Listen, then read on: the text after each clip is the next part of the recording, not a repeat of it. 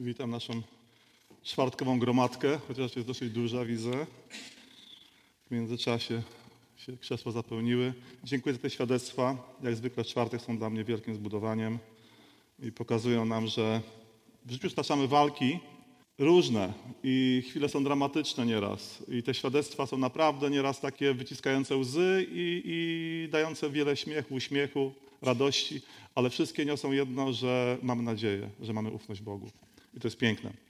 E, Ja mam taki, taki wstęp do dzisiejszego kazania. Ja w ogóle kazanie. Czwartek tak sobie luźno rozmawiamy i chciałbym, żeby tak pozostało.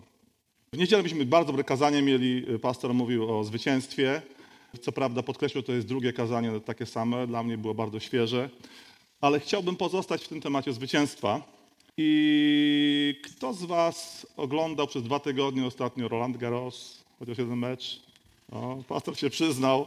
E, Ja nie oglądam wszystkich meczów, ale nagrywam najważniejsze namiętnie, później skróty oglądam, ale nie o tenisie chcę mówić i o Idze Świątek, ale tam na stadionie, tym, tym y, głównym stadionie y, tenisowym Filipa Chatier jest taki napis, takie motto widnieje. Nie wiem, czy ktoś zwrócił uwagę, jak to motto brzmi. Victory belongs to the most tenacious.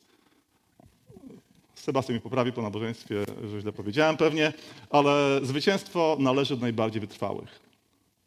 I to jest bardzo piękne motto. To jest bardzo piękne motto i to słowo tenacious znaczy y, osobę, która do czegoś przylgnie z pasją. Do czegoś y, tak przybiera z takim zapałem wytrwale i nie poddaje się. I to jest ważne dla sportowców na pewno, dla każdego jednego człowieka, ale dla nas wierzących ma to wielki wydźwięk. Ja bym chciał taką historię na początek powiedzieć, którą niedawno słyszałem, ona bardzo mnie poruszyła. Mówiąc o zwycięstwie, historia nie wiem, gdzie ona się rozgrywała, w Anglii, w Stanach Zjednoczonych, nieważne, gdzieś w krajach angl- anglojęzycznych, y, biorąc pod uwagę, jakie tam nazwiska występowały. Jeden młody, jak to powiedzieć, aplikant prawa przyjął się do pewnej kancelarii, dużej kancelarii adwokackiej, jak są takie spółki, yy, główne nazwisko sponsora, END, wspólnicy. I pewnego dnia y, ten, który był przed tym end, czyli ten właściciel główny, zaprosił go do y, swojego biura na jakąś tam rozmowę, nieważne na jaki temat, ale w czasie tej rozmowy zadzwonił telefon. I ten właściciel spojrzał na numer telefonu, y, zakłopotał się i mówi tak, jeżeli dzwoni jakiś tam Smith, prawdopodobnie tam powiedział, po numerze rozpoznał, mówi do tego, odbierz telefon, mnie dzisiaj nie ma. Mnie dzisiaj nie ma dla tego człowieka. Ten młody człowiek był wierzącym człowiekiem. Odebrał ten telefon i faktycznie dzwonił Smith. No nie. I on odebrał i ten spyta się, czy jest to właściciel. On mówi, tak, oddaję słuchawkę. Tamten człowiek szerwieniał ze złości, później zzieleniał. Przeprowadził tą rozmowę i odkładając słuchawkę przez zaciśnięte zęby, chciał coś powiedzieć. I ten młody człowiek powiedział tak. Nigdy nie będę dla Pana kłamał, ale też nigdy Pana nie okłamię. I ponieważ on był, ten właściciel był chyba dobrym adwokatem, zawiesił się, zastanowił się i nie powiedział nic. I powiedział, będę Cię obserwował. I ten człowiek został jego osobistym adwokatem później. Tego właściciela. I moje pytanie brzmi, my lubimy takie świadectwa, wiecie, że to buty spadają, o, zwyciężył, awansował. Tylko moje pytanie jest takie, w którym momencie on odniósł zwycięstwo? Czy wtedy, kiedy dostał promocję? Czy wtedy, kiedy podjął trudną decyzję? Wtedy, kiedy podjął trudną decyzję. Wtedy był zwycięzcą. I my często w swoim życiu jesteśmy skoncentrowani na wyniku. Pracujemy w różnych firmach, nieraz w korporacjach i wiecie, jak dzisiaj wyciskają ten wynik. I te składniki, które są przed, jak to równanie z niewiadomymi, jest podany, co ma być na końcu, jaki ma być wynik, a te składniki my dopasowujemy, żeby osiągnąć wynik. Wynik ma być taki, a nie inny. Jesteśmy skoncentrowani i zwycięstwo nam się kojarzy z wynikiem, z pewnym wynikiem. I to są konsekwencje, ma być taki inny, inny wynik i to musi być właśnie takie. Ja bym chciał posłużyć się dzisiaj pewną postacią biblijną, o której niedawno mówiłem też, i za pomocą tej postaci, żebyśmy spojrzeli na to zwycięstwo troszkę z innej perspektywy. Yy, Wiecie, nieraz jest tak, że oglądamy jakiś film, czytamy dobrą książkę i mówimy wtedy, jeżeli spotykamy osobę, która ma podobne zainteresowania, musisz to zobaczyć, musisz to przeczytać, bo to jest, to jest coś świetnego. Dla mnie taką, taką pasjonującą historią jest zawsze Księga Daniela. Nie można powiedzieć, że w Biblii są rzeczy nieistotne, ale są bardziej pasjonujące i mniej pasjonujące. Zgodzicie? Rodowody nie są pasjonujące, ale Księga Daniela dla mnie jest księgą, z której kopalnią mądrości i wielką przygodą biblijną. I wielu z nas Księgę Daniela zna ze szkółki niedzielnej, yy, różne historie, zwłaszcza historia, kiedy Daniel jest wrzucony do lwiej jamy. Znamy tą historię. Gdzieś tam, tam karteczki z szkółki niedzielnej się przed oczami przesuwają, albo jakiś film Disneya może ktoś oglądał. I tam Daniel jest Yy, przeważnie młodym, yy, przystojnym blondynkiem, skręconymi włosami. Yy, lwy są takie jak pluszaki na, na kanapie, no nieładnie uczesane, jakby od kosmetyka zwierzęcego wyszły. Ale życie to nie był film Disneya. To było brutalne. Daniel miał wtedy, już nie był przystojny, może przystojny był dalej, no nie, ale nie był młody już. Miał około 70-80 lat w tym przedziale ale wy były jak lwy śmierdzące i odrażające. I chciałbym, żebyśmy tak spojrzeli na tą historię Starego Testamentu, która wyznacza nam, pokazuje nam człowieka, który w, moim, w mojej wyobraźni przez całe życie szedł wyprostowany. On, cały czas jego postawa była nieugięta. Cały czas jego postawa była taka właśnie, on do czegoś przylgnął i on przez całe życie szedł blisko Boga. Całe tło tej historii rozpoczyna się, kiedy y, nastaje nowy król. Y, Daniel już jest 50, 55 lat około w służbie, bardzo, da, bardzo długo y, jest na, na dworze królów. Królowie mijają, a Daniel cały czas trwa. I król Dariusz prawdopodobnie był geniuszem administracji, albo był też bardzo leniwym człowiekiem i chciał oddać władzę dla tych 120 satrapów, niech sobie rządzą nie wiem. W każdym bądź razie administracyjną reformę zrobił i nad tym wszystkim wiemy, że ustanowił Daniela.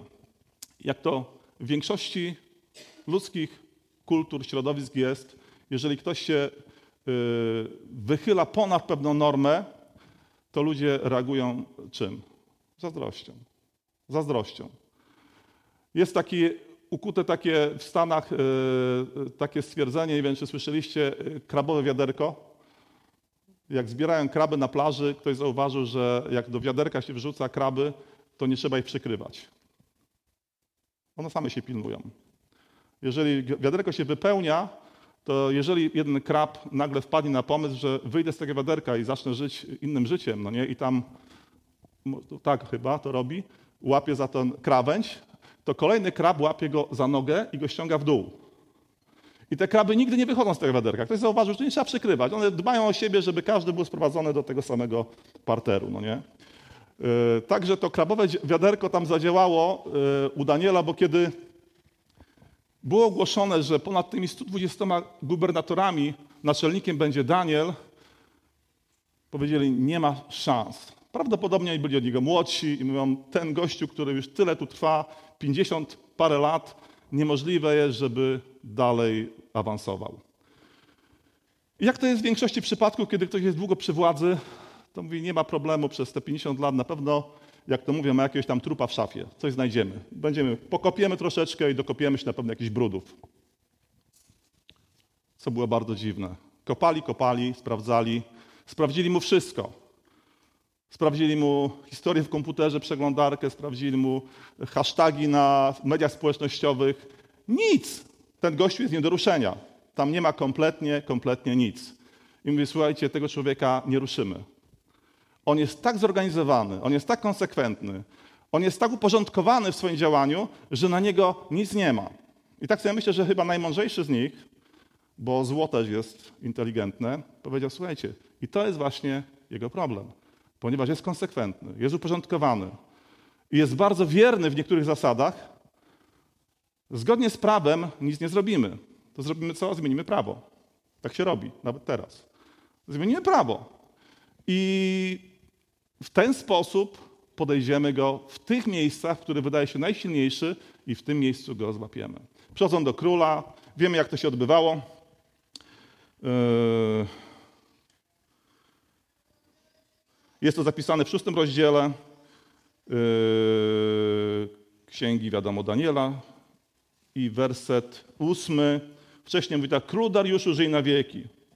Wiecie, Lizusy przyszli, pokłonili się, wygląda wspaniale, ma wspaniałe buty i tam dalej, no nie.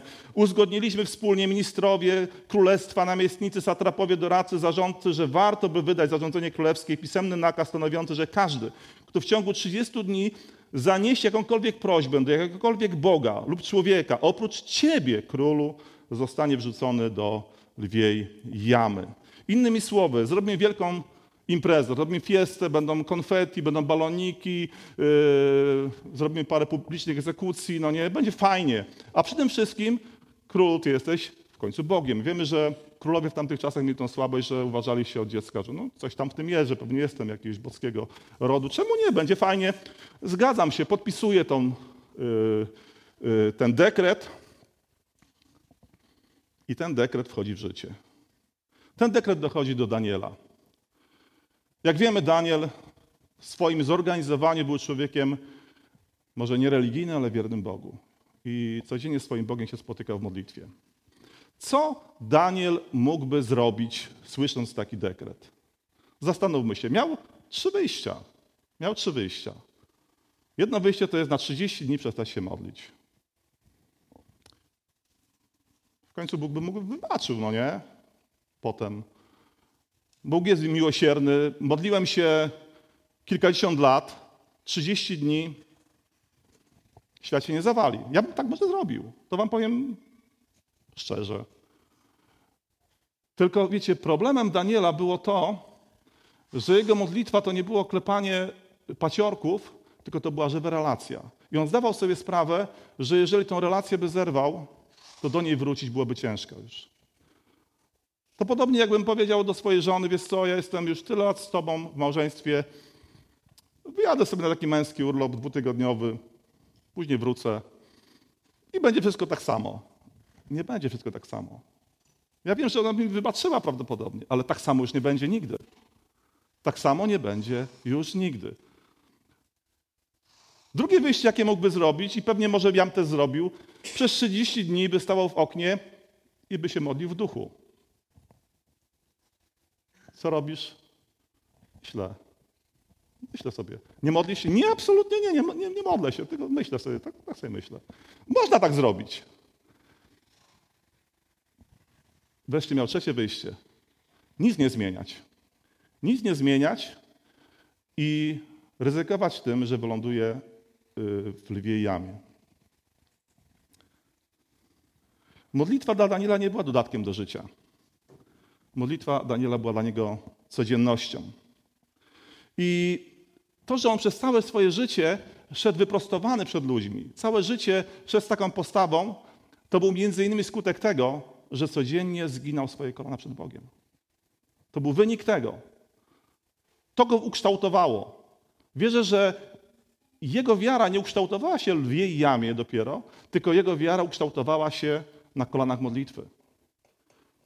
I on przez to miał siłę i moc zrobić to, co zrobił. Mógł coś zmienić, ale nie zmienił. Bo po co zmieniać coś? Bo po co coś zmieniać? Daniel z pewnością pomyślał sobie, dlaczego mam coś zmieniać? Był Nabukodonozar i on myślał, że on rządzi. I on myślał, że ma władzę. Jego już dzisiaj nie ma. Przeminął. Ja dalej jestem. Dzisiaj jest król Dariusz i myśli, że on ma władzę. Myśli, że on rządzi. Zobaczymy. Zobaczymy. I robił to, co robił do tej pory. I chcę to podkreślić bardzo mocno. Czym była modlitwa w życiu Daniela? Może inaczej, czym nie była modlitwa w życiu Daniela? Modlitwa, tak jak dla każdego jednego z nas, to nie jest forma jakiejś duchowej autoprezentacji. To nie chodzi o to. To nie tak jak Pan Jezus wskazywał faryzeuszy, stali na rogach ulicy, o wszechmogący Boże, jaki cudowny jesteś, żeby wszyscy mnie widzieli, jaki ja jestem duchowy. I teraz przeciwię się królowi, niech wszyscy widzą, że ja króla polecenia mam głęboko gdzieś. To nie o to chodziło. To nie była autoprezentacja. Modlitwa to nie jest lista życzeń do Boga. Że ja, ja będę się targował, Panie Boże, jeżeli ja będę się modlił, to Ty sprawisz, że ja do jamy lwiej nie pójdę. A jeżeli sprawisz, to nie będę się modlił. To nie jest, to nie jest licytacja. To jest wierne trwanie w społeczności z Bogiem.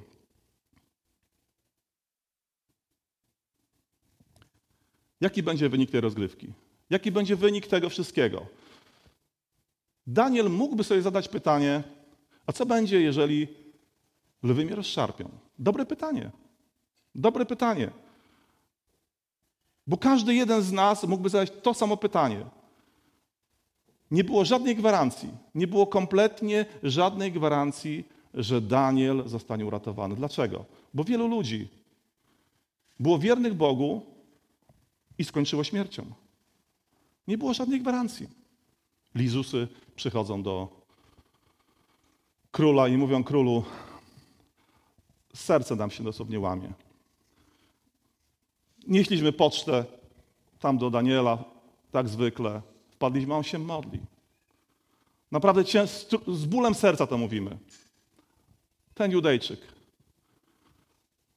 A czy królu, ty przypadkiem nie wydałeś takiego dekretu, że ktoś, kto będzie się modlił przez 30 dni, będzie wydany na śmierć do lwiej jamy? Król mówi, no tak, pamiętam dokładnie, jak mnie podeszliście. Król wiedział, że padł ofiarą manipulacji. Napisane jest, że rozmyślał cały czas, jak wybawić Daniela, bo wiedział, że Daniel został oskarżony tylko dlatego, że był Danielem, nikim innym.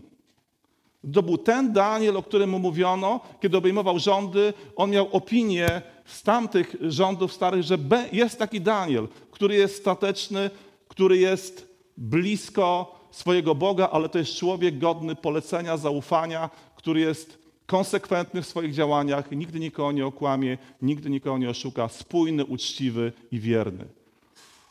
I tylko dlatego, że Daniel okazał się Danielem, dzisiaj idzie do jamy lwiej. Król doskonale o tym wiedział.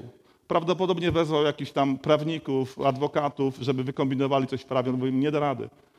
To prawo w ten sposób działa, że twój autorytet zostanie całkowicie zniszczony, jeżeli nie wykonasz tego, tego rozkazu. Także król praktycznie utknął. Wiemy, że w momencie, kiedy Daniel został wydany na tę śmierć, nie wiem na ile ten król wierzył, ale widząc jego konsekwencje, widząc jego postępowanie, widząc e, jego determinację w służbie dla Boga, kieruje w kierunku e, tego Daniela, tak sobie wyobrażam, że odprowadzany już tam z tej komnaty i on takie życzenie do niego kieruje. 17 werset mówi tak, w końcu król polecił sprowadzić Daniela i wrzucono go do lwiej jamy, ale na rozstanie król powiedział do niego, twój Bóg, któremu tak konsekwentnie i wytrwale, to jest moje słowo już, wiernie służysz, wyratuje cię. Nie wiem, na ile ta wiara króla była życzeniowa, czy to było mocne, czy to było ważne, ale on widział, że to było coś niesamowitego w postawie tego człowieka. Dlatego jego życzenie było tak skoncentrowane. Wiem, że król nie śpi całą noc. Król y, ma dość tych wszystkich imprez. Mówi, kto wymyślił te 30 dni Dariusza, y, nie dopuszcza do siebie żadnej rozrywki. Napisane jest, gdy po tym wszystkim król poszedł do swego pałacu, noc spędził na poście. Nie sprowadzono mu tancerek. Sen go odbiegł. Ledwie zaczęto, zaczęło świtać, bardzo wcześnie rano król pełen niepokoju śpiesznie ruszył w kierunku lwiej jamy. Kiedy przybył na miejsce do Daniela, zawołał smutnym głosem. Danielu, sługo, sługo Boga żywego, czy Twój Bóg, któremu tak wiernie służysz, zdołał Cię ocalić od lwów? Ja bym tu chciał, żebyśmy tu mieli pauzę w tej chwili. Yy, kiedy dorastaliśmy w kościołach, kiedy odnosimy się do naszej tej Biblii obrazkowej, tak często od razu przychodzimy do końca tej historii. I ja myślę, że to jest pomyłka. Bo jeżeli śpieszymy się do końca tej historii, to możemy zgubić głębię tej historii. Możemy zgubić główny punkt tej historii. Ponieważ głównym punktem tej historii nie jest to, co stanie się później na końcu. Głównym punktem tej historii jest to, co się już stało. Głównym punktem tej historii jest to, co się już stało. Bo głównym zmartwieniem Daniela nie był wynik jego decyzji. Bo gdyby główne zmartwienie Daniela był wynik decyzji, prawdopodobnie podjąłby inną decyzję. Bo by dbał o wynik. Głównym zmartwieniem Daniela było podjąć właściwą decyzję. Głównym zmartwieniem Daniela było zrobić to, co należało zrobić. Głównym zmartwieniem Daniela było, niezależnie od konsekwencji, zrobić to, co dyktowało mu jego sumienie, które do tej pory było zgodne z Bogiem. Myślę, że to było jego zwycięstwo. Myślę, że to było najważniejsze. Gdyby rozdział szósty zakończył się tak jak film bez dobrego zakończenia, gdzie można sobie dopowiadać yy, koniec, czy on jest happy end, czy nie. Zakończyłby się na tym, że król biegnie do lwiej jamy i kropka. Czy Daniel byłby dalej zwycięzcą, czy byłby przegranym? Zastanówmy się. Daniel byłby dalej zwycięzcą. Daniel byłby dalej zwycięzcą, bo zrobił to, co należało zrobić, niezależnie od skutków, niezależnie od wyników. My tak często jesteśmy skoncentrowani na naszych wynikach. Wiecie, i to jest wspaniałe, kiedy w swoim życiu możemy mówić o rzeczach, które sprawiają, że jesteśmy szczęśliwi na końcu. Ja też lubię szczęśliwe zakończenia. Ale jak często nie dostrzegamy nieraz, albo przychodzimy obok ludzi, którzy wiernie służą Bogu i niestety niosą ten krzyż przez całe życie. Niestety, źle powiedziałem, niestety, bo właściwie go niosą. My nie wiemy nawet nie dlaczego. Lubimy świadectwa, że ktoś postąpił zgodnie z normami wszelkimi, groziło mu wyrzucenie z pracy i na końcu awansował i stał się bardzo bogaty. Lubimy, żeby w chrześcijaństwie można być też bogatym, no nie? Fajnie jest. Ale w chrześcijaństwie można być też biednym.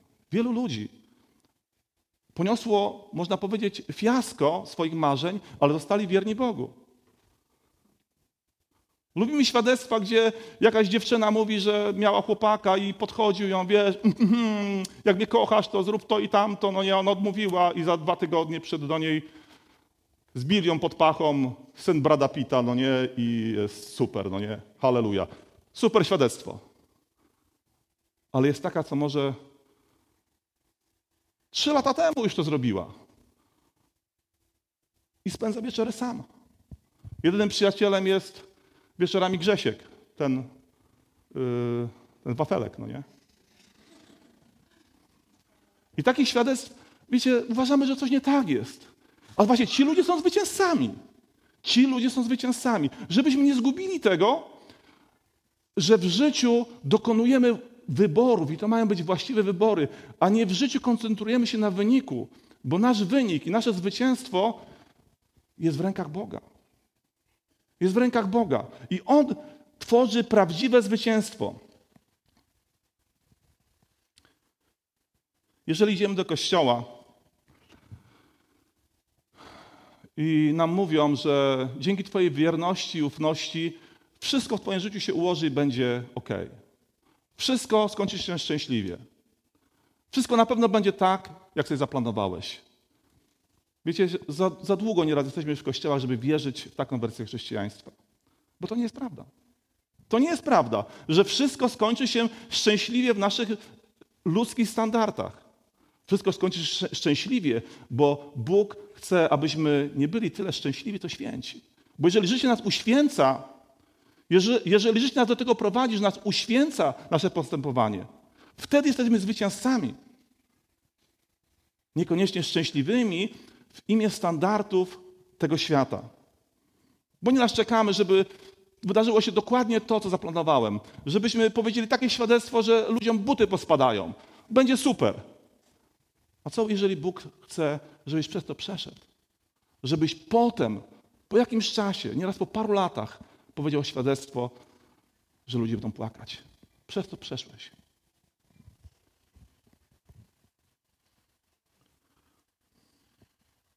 Ja nieraz sobie myślę, Jakub i Piotr. Piotr był w więzieniu, modlił się zbór za nim i wyszedł.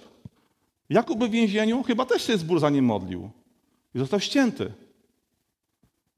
Co było przyczyną? Tydzień wcześniej na nabożeństwie nie był go skarali? Nie. Myślę, że był takim samym wierzącym jak Piotr. Po prostu on ten krzyż poniósł taki do końca. Zresztą wszyscy apostołowie, można powiedzieć standardach tego świata, nie skończyli dobrze. Wszyscy, za wyjątkiem chyba Jana, skończyli śmiercią męczeńską.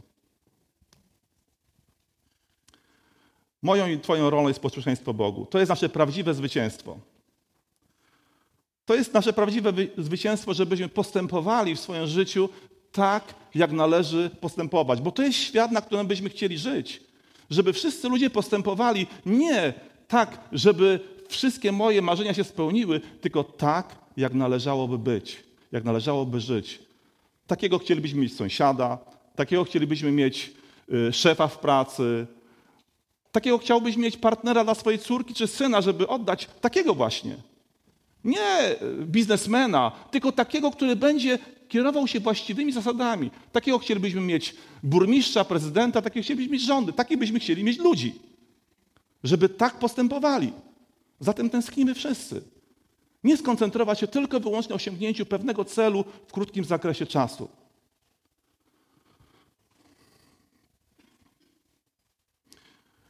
Jeżeli nasze decyzje i nasze marzenia są tylko sposobem na szczęśliwe zakończenie, to już to nie jest uczciwość. To już to nie jest uczciwość. Wtedy jesteśmy użytkownikami chrześcijaństwa, a nie naśladowcami. Judasz był użytkownikiem, a nie był naśladowcą. On był użytkownikiem. W momencie, kiedy zobaczył, że jego plan, to co on sobie poukładał w życiu, to co sobie wymarzył, kiedy zaczął łączyć te kropeczki i mówi: Oho, odbiega to od mojego planu.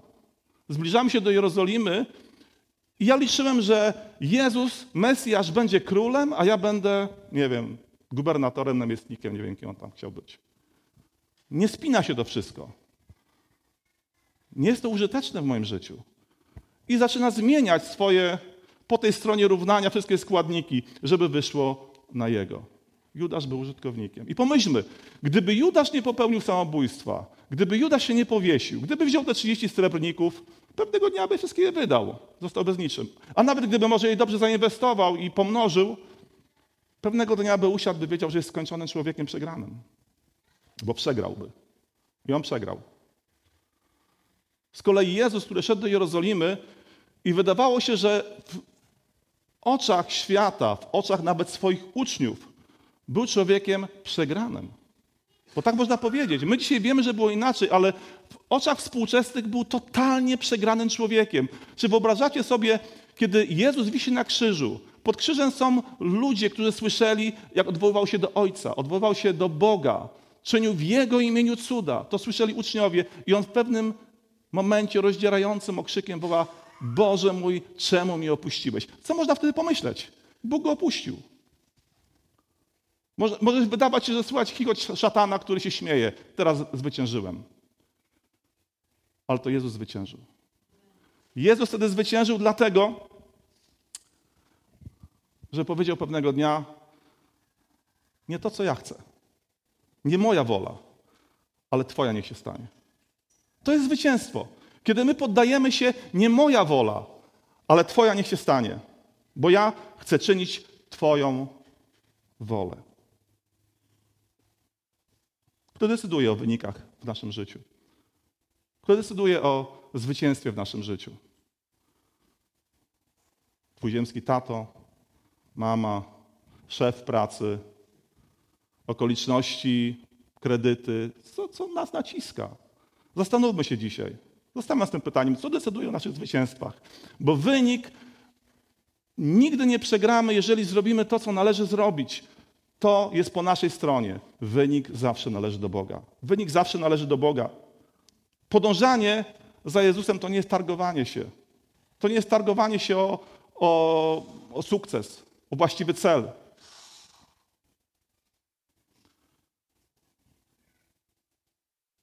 Zwycięstwo należy do najbardziej wytrwałych. Chciałbym, żebyśmy zostali właśnie z tym stwierdzeniem i z tym pytaniem. Jak dzisiaj wygląda nasze nasze wytrwanie. Bo nie chciałbym, żeby, żeby ktoś podsumował to tak, co dzisiaj mówiłem. O, o czym dzisiaj było mówione? Dzisiaj było mówione o tym, że yy, jak zadzwoni telefon i szef powie, że nie ma mnie w biurze, to masz powiedzieć, że jest. Nie. Nie. Bo jeżeli wcześniej kombinowałeś, oszukiwałeś, chodziło na zwolnienie lekarskie, a byłeś zdrowy, szef to widział, to wiecie, to jeszcze bardziej go zdenerwuje. To nic nie pomoże. To nic nie pomoże. Jeżeli byłeś spójny w swoim życiu, zaryzykuj, zrób tak, no nie? Bo to może być dobre świadectwo, ale nie wcześniej. Ja chcę, żebyśmy dzisiaj zadali sobie pytanie. Czy warto skoncentrować się na naszych ziemskich tylko celach, naszych ziemskich wynikach, czy nie warto skoncentrować na codziennej woli Bożej? Na codziennej woli Bożej, na tym, żeby blisko do Niego przylgnąć i być jak najbliżej Jego osobą. Powstańmy, poprośmy o to Boga.